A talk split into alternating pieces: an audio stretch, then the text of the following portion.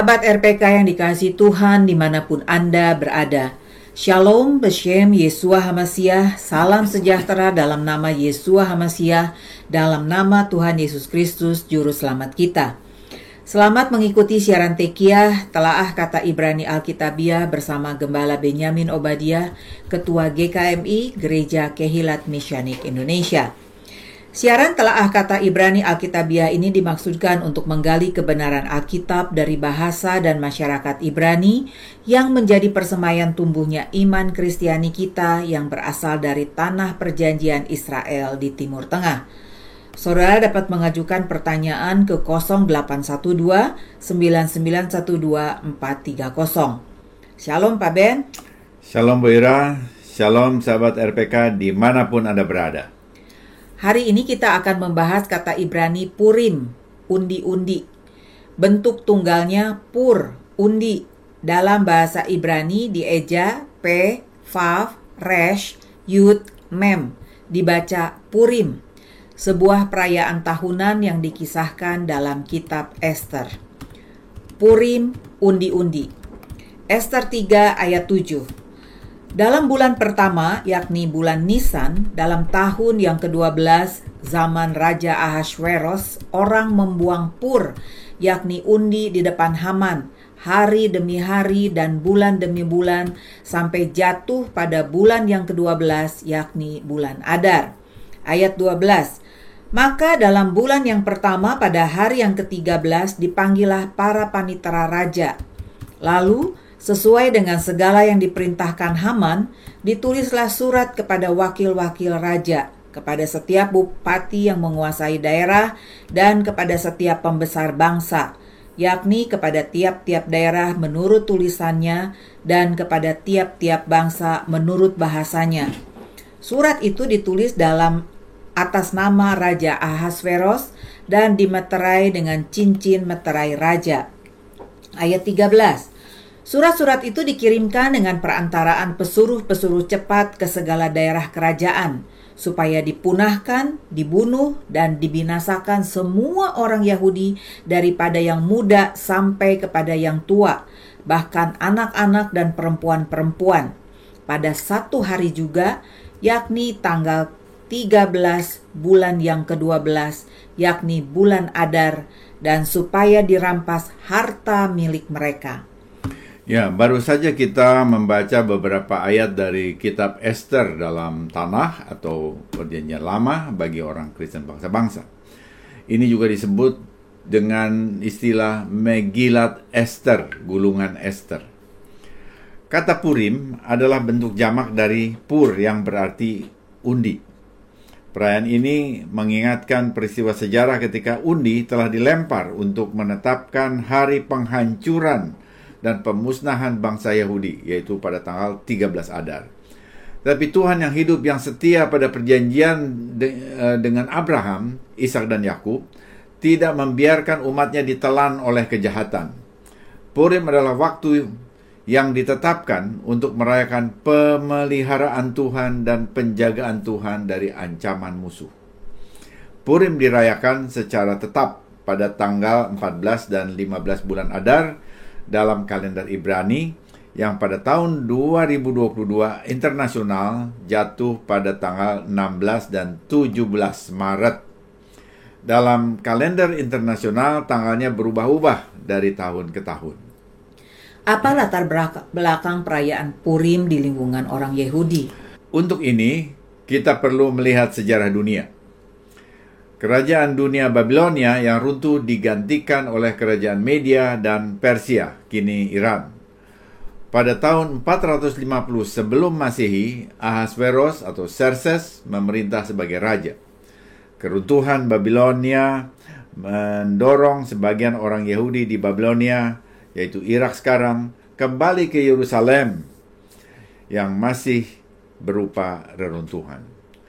Namun sebagian orang Yahudi malah memilih untuk menetap di Persia, yaitu Iran sekarang. Para pemimpin Persia mengizinkan para perantau Yahudi yang tidak kembali ke Israel untuk tinggal di Persia dengan aman. Namun, dalam pemerintahan Ahasveros, keadaan berbalik melawan kaum Yahudi. Ratu Wasti, permaisuri Ahasveros, menolak panggilan raja untuk tampil di depan para pembesar kerajaan, dan karena itu ia dipecat dari posisinya. Untuk mencari permaisuri baru, raja mengadakan kontes kecantikan, beauty pageant, yang pertama di dunia ini. Dan terbuka ini bagi semua gadis. Seorang gadis Yahudi yang cantik bernama Hadassah, anak Abihail, didorong oleh sepupunya yang bernama Mordehai untuk mengikuti kontes tersebut. Kelihatannya Mordehai ini seorang Yahudi yang berpikiran maju. Sebagai perantau ia tidak minder. Ia melihat kesempatan bagi orang Yahudi untuk berkiprah di tingkat kerajaan dunia saat itu. Benar sekali. Mordehai, perantau Yahudi di Persia, jauh dari mentalitas pecundang. Ia melihat kontes kecantikan ini sebagai peluang bagi sepupunya yang bernama Hadassah. Hadassah adalah keturunan Raja Shaul. Ia yatim piatu, ayahnya meninggal ketika ia dalam kandungan dan ibunya meninggal saat melahirkannya dalam Megilah 13a. Ahasveros menginginkan pengganti Wasti lebih cantik daripadanya. Karenanya setiap gadis yang menghadap dibandingkannya dengan patung Wasti. Menurut Midras Abba Gurion. Hadasa lebih cantik dari para gadis media dan Persia. Esther Rabah 6 ayat 9. Namun bukan hanya penampilan lahiriahnya saja. Perkenan Tuhan ada atas gadis Yehuda ini Raja jatuh hati kepadanya. Ia diangkat menjadi ratu dengan nama Esther. Mordehai, sepupu Hadassah, ditunjuk menjadi penjaga gerbang istana raja. Di sinilah ia mendengar persekongkolan jahat antara Bigtan dan Teres, orang Tarse, untuk membunuh raja. Mereka tidak menyangka bahwa Mordehai sebagai anggota Sanhedrin menguasai 70 bahasa, memahami bahasa asli mereka – Informasi itu disampaikan kepada raja melalui Esther sehingga usaha tersebut dapat digagalkan. Kemudian peristiwa itu dicatat dalam kitab sejarah yang ada di hadapan raja. Bagaimana keadaan aman di Persia berubah menjadi ancaman bagi orang Yahudi? Ini mulai dengan seorang yang bernama Haman. Haman, kaum Agak, bangsa Amalek, mendapat kepercayaan untuk menjadi perdana menteri dari Ahasveros. Kaum Agak adalah keturunan Raja Agak yang dibiarkan hidup oleh Raja Saul yang tercatat di dalam 1 Samuel 15 ayat 2, 3 sampai 9. Sesuai aturan paganis, Haman menuntut semua penjaga pintu gerbang bertelut dan sujud kepadanya. Hanya satu orang yang tidak mau tunduk, namanya Mordhai. Ini membuat berang Haman. Uh, apalagi ia tahu bahwa Mordehai adalah Yahudi. Setiap kali melihat Mordehai, kebencian Haman meningkat sehingga ia mulai berniat bukan saja untuk membunuh Mordehai, tetapi juga semua orang Yahudi di Media dan Parsia. Ia mulai memasang ancang-ancang. Menurut undi yang dibuang, hari pemusnahan bangsa Yahudi ditetapkan terjadi pada bulan Adar, yaitu bulan ke-12 dengan kemampuan bersilat lidahnya, gagasan Haman itu mendapatkan persetujuan dari Raja Ahasveros. Ketetapan raja untuk memusnahkan seluruh bangsa Yahudi di segenap kerajaan dunia Media dan Persia pada tanggal 13 Adar. Diterima dengan uh, dengan ratap tangis dan puasa oleh bangsa Yahudi. Mordehai menyampaikan pesan kepada Esther agar memohon karunia raja. Namun Esther mengingat bahwa siapa pun yang menghadap raja tanpa dipanggil dapat dikenakan hukuman mati.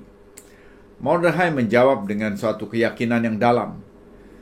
Jangan kiranya karena engkau di dalam istana raja, hanya engkau yang akan terluput dari antara semua orang Yahudi. Sebab sekalipun engkau pada saat ini berdiam diri saja, bagi orang Yahudi akan timbul juga pertolongan dan kelepasan dari pihak lain. dan engkau dengan kaum keluargamu akan binasa. Siapa tahu, mungkin justru untuk saat ini seperti inilah engkau beroleh kedudukan sebagai ratu. Esther 4 ayat 13 dan 14.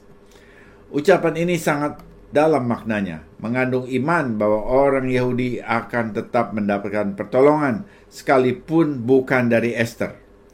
Mordechai juga mengingatkan Esther bahwa keberhasilannya menjadi ratu justru disiapkan untuk mengantisipasi keadaan bahaya ini. Nah, tanggapan Mordechai ini mengobarkan keberanian iman dari Esther, sehingga ia berkata, "Pergilah, kumpulkanlah semua orang Yahudi yang terdapat di Susan dan berpuasalah untuk aku.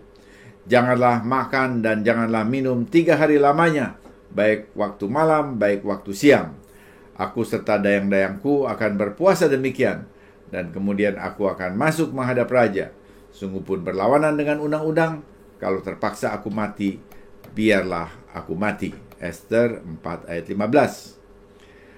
Tiga hari puasa yang ditetapkan Esther tersebut adalah tanggal 13, 14, 15 Nisan. Lalu Mordechai menjawab bahwa di dalamnya terdapat hari raya Pesak yaitu hari pertama Pesak tanggal 14 Nisan dan tidak lazim berpuasa pada hari raya Pesak karena sejak zaman Mose orang Israel memakan jamuan Pesak termasuk daging anak domba bakar dan masah roti tidak beragi. Mendengar tanggapan itu Esther kembali menjawab, "Tua-tua Yahudi, tanpa Israel mengapa harus ada Pesak?" Mordechai menerimanya dan menunda perayaan Pesak dan menggantinya dengan puasa Esther. Esther Rabah 8 ayat 6. Luar biasa sikap Esther. Ia berpikir akurat. Benar sekali, bila orang Yahudi dimusnahkan, siapa yang akan merayakan hari raya Pesak? Dihadapkan pada ancaman keberadaan orang Yahudi adalah prioritas utama.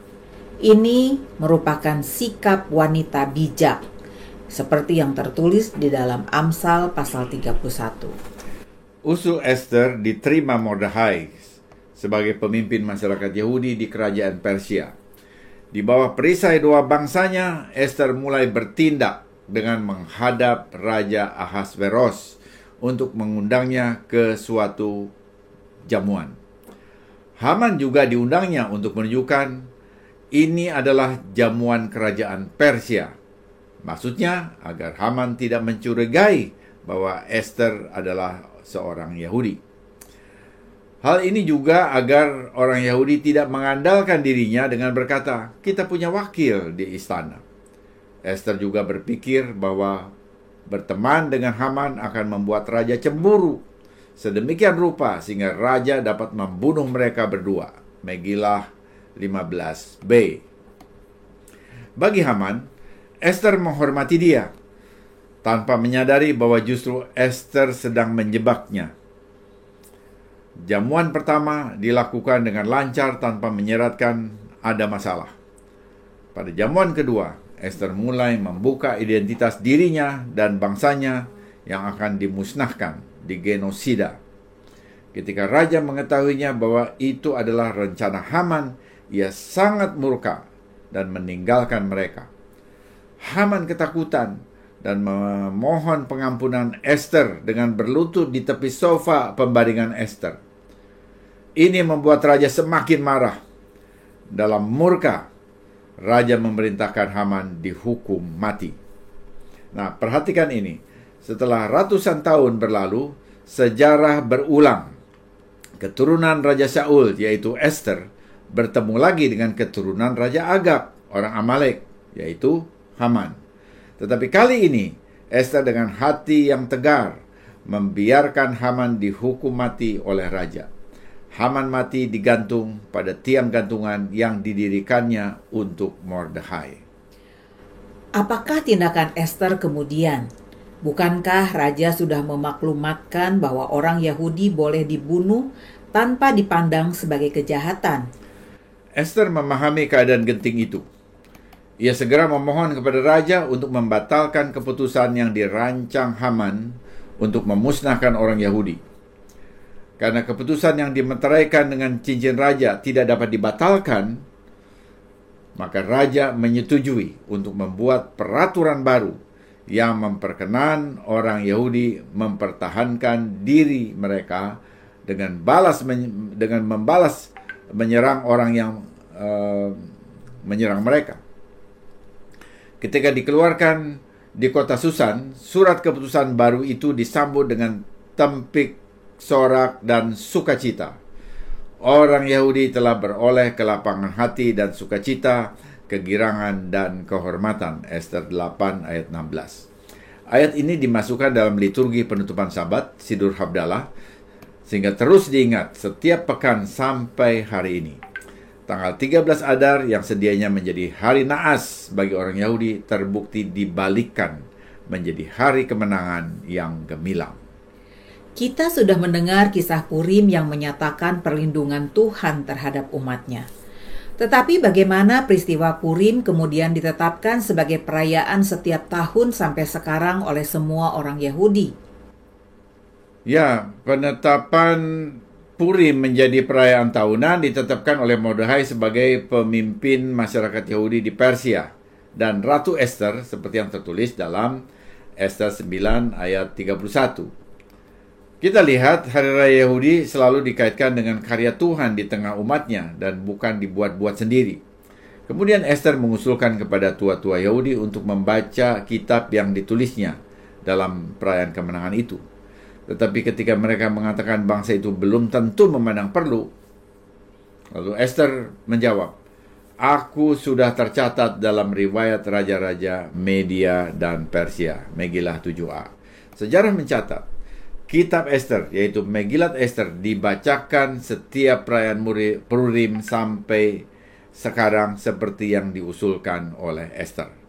Apakah Yesua juga merayakan hari raya Purim? Ya, Yesua juga turut merayakan hari raya Purim. Dan kita lihat di dalam uh, Yohanes uh, 5 ayat 1 dan 10, Yesua berangkat ke Yerusalem. Yohanes 5 ayat 1. Sesudah itu ada hari raya orang Yahudi dan Yesua berangkat ke Yerusalem. Ayat 10.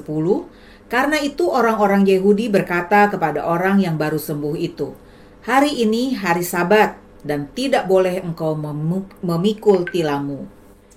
Ya, dapat dibuktikan dengan memakai aplikasi kalender Ibrani di internet seperti kaluah.com bahwa hari raya Yahudi yang jatuh pada hari Sabat pada masa pelayanan Yesua antara tahun 27 sampai 30 adalah hari raya Purim.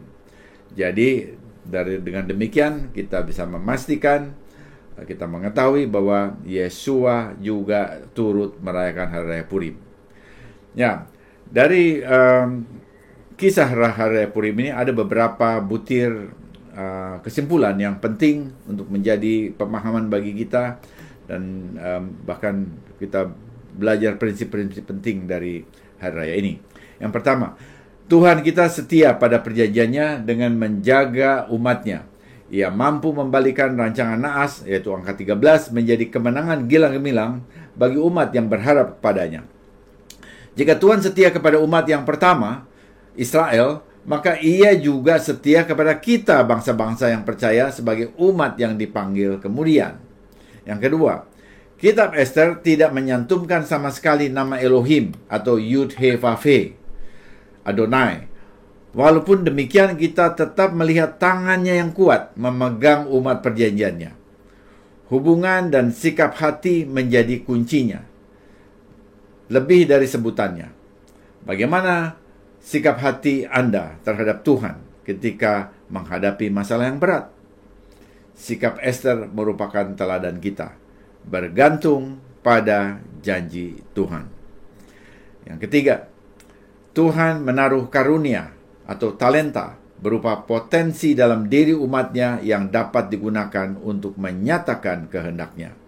Mordechai dengan kemampuan bahasa dan keyakinan yang da yang dalam. Hadasa dengan kecantikan, keberanian, ketegaran, serta kemampuan berpikir strategis. Bagaimana Anda melihat karunia atau talenta Anda dan memakainya untuk kemuliaan Tuhan? Keempat, Tuhan memakai keturunan Raja Saul, seorang perempuan, untuk menjaga bangsa Yahudi agar kedatangan Mesias, keturunan David, yang juga datang melalui seorang perempuan, tidak terganggu. Jadi melalui Purim itu kita melihat bahwa orang Yahudi dipelihara dan karena itu Mesias keturunan David dapat lahir dari masyarakat Yahudi dari seorang ibu Yahudi. Tuhan mau memakai baik pria maupun perempuan di dalam kerajaannya. Haman ingin menghancurkan umat perjanjian tetapi ia sendiri yang dihancurkan. Sungguh Adonai Elohim Israel, Tuhan yang Maha Kuasa, El Shaddai, yang membuat janji dan memegang janji untuk melindungi umatnya Israel. Ini termasuk orang percaya bangsa-bangsa, yaitu saudara dan saya. Esther merupakan ratu dari Raja Ahasveros, raja kerajaan dunia Persia. Apakah mereka mempunyai anak yang kemudian menjadi raja Persia? Ya, ini pertanyaan yang luar biasa yang biasanya tidak menjadi perhatian kita, bangsa-bangsa. Sumber Yahudi menyatakan Raja Ahasveros atau Serses Agung dan Ratu Esther menurunkan Raja Darius II yang disebut juga Artaserses Longimanus. Dan dialah yang memerintahkan Esra untuk membangun bait suci di Yerusalem dari reruntuhannya. Esra 7 ayat 10. Wow, Ternyata kaitan sejarah Purim sampai ke upaya pembangunan bait suci di Yerusalem oleh Esra. Sungguh dahsyat rancangan Adonai Elohim Israel. Semoga siaran ini menjadi berkat bagi saudara. Informasi bagi saudara. Sesuai kalender Mesianik GKMI, Hari Raya Purim tahun 2022 akan dirayakan secara virtual pada hari Kamis 17 Maret jam 5 sore waktu Indonesia Barat sampai selesai. Kunjungi kanal Kehilat Mesianik di YouTube untuk merayakannya bersama kami. Bila saudara diberkati oleh siaran Tekiah dan mau kembali memberkati siaran ini, saudara dapat mengirimkan dukungan dengan menghubungi Happy di 0811 910 814. Sesudah narasi ini kita akan mendengar lagu Ibrani berjudul Purim dari Maccabees. Mereka merencanakan tanggal 13 Adar untuk memusnahkan semua orang Yehudim. Mereka tak menyangka gadis kecil Esther menjungkir balikan semuanya. Hari Raya Purim. Ribuan tahun yang lalu, umat Yahudi dihadapkan pada ancaman Haman. Masa kini, kita dihadapkan pada ancaman wabah COVID. Namun Tuhan tetap sanggup menjaga dan melepaskan umatnya dari malapetaka dengan kuasanya. Immanuel, Elohim beserta kita. Tiba saatnya saya penatua Ira Natali dan Gembala Benyamin Obadiah mohon diri dari ruang dengar saudara. Sampai jumpa pada siaran mendatang. Yesua keselamatanku, Torah kesukaanku, menuju kepenuhan bangsa-bangsa. Shalom, shalom.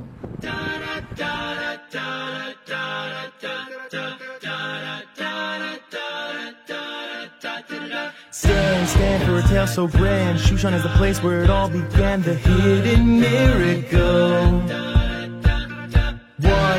Second in command, slay all the Jews, with his wicked plan, a scheme so miserable.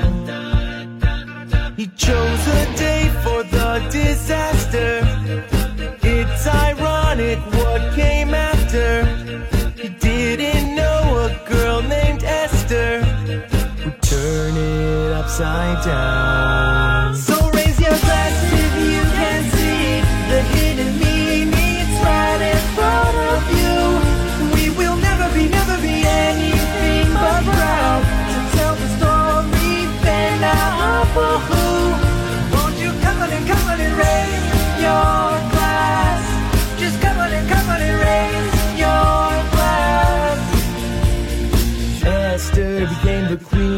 pulling strings from behind the scenes. She wore the royal crown. Three days the Jews just prayed. Queen Esther risked her life, went to save the day. She took on down. The streets were filled with celebration. Everyone ate hum and tashin. Jubilation for the nation. Katie Eleanor.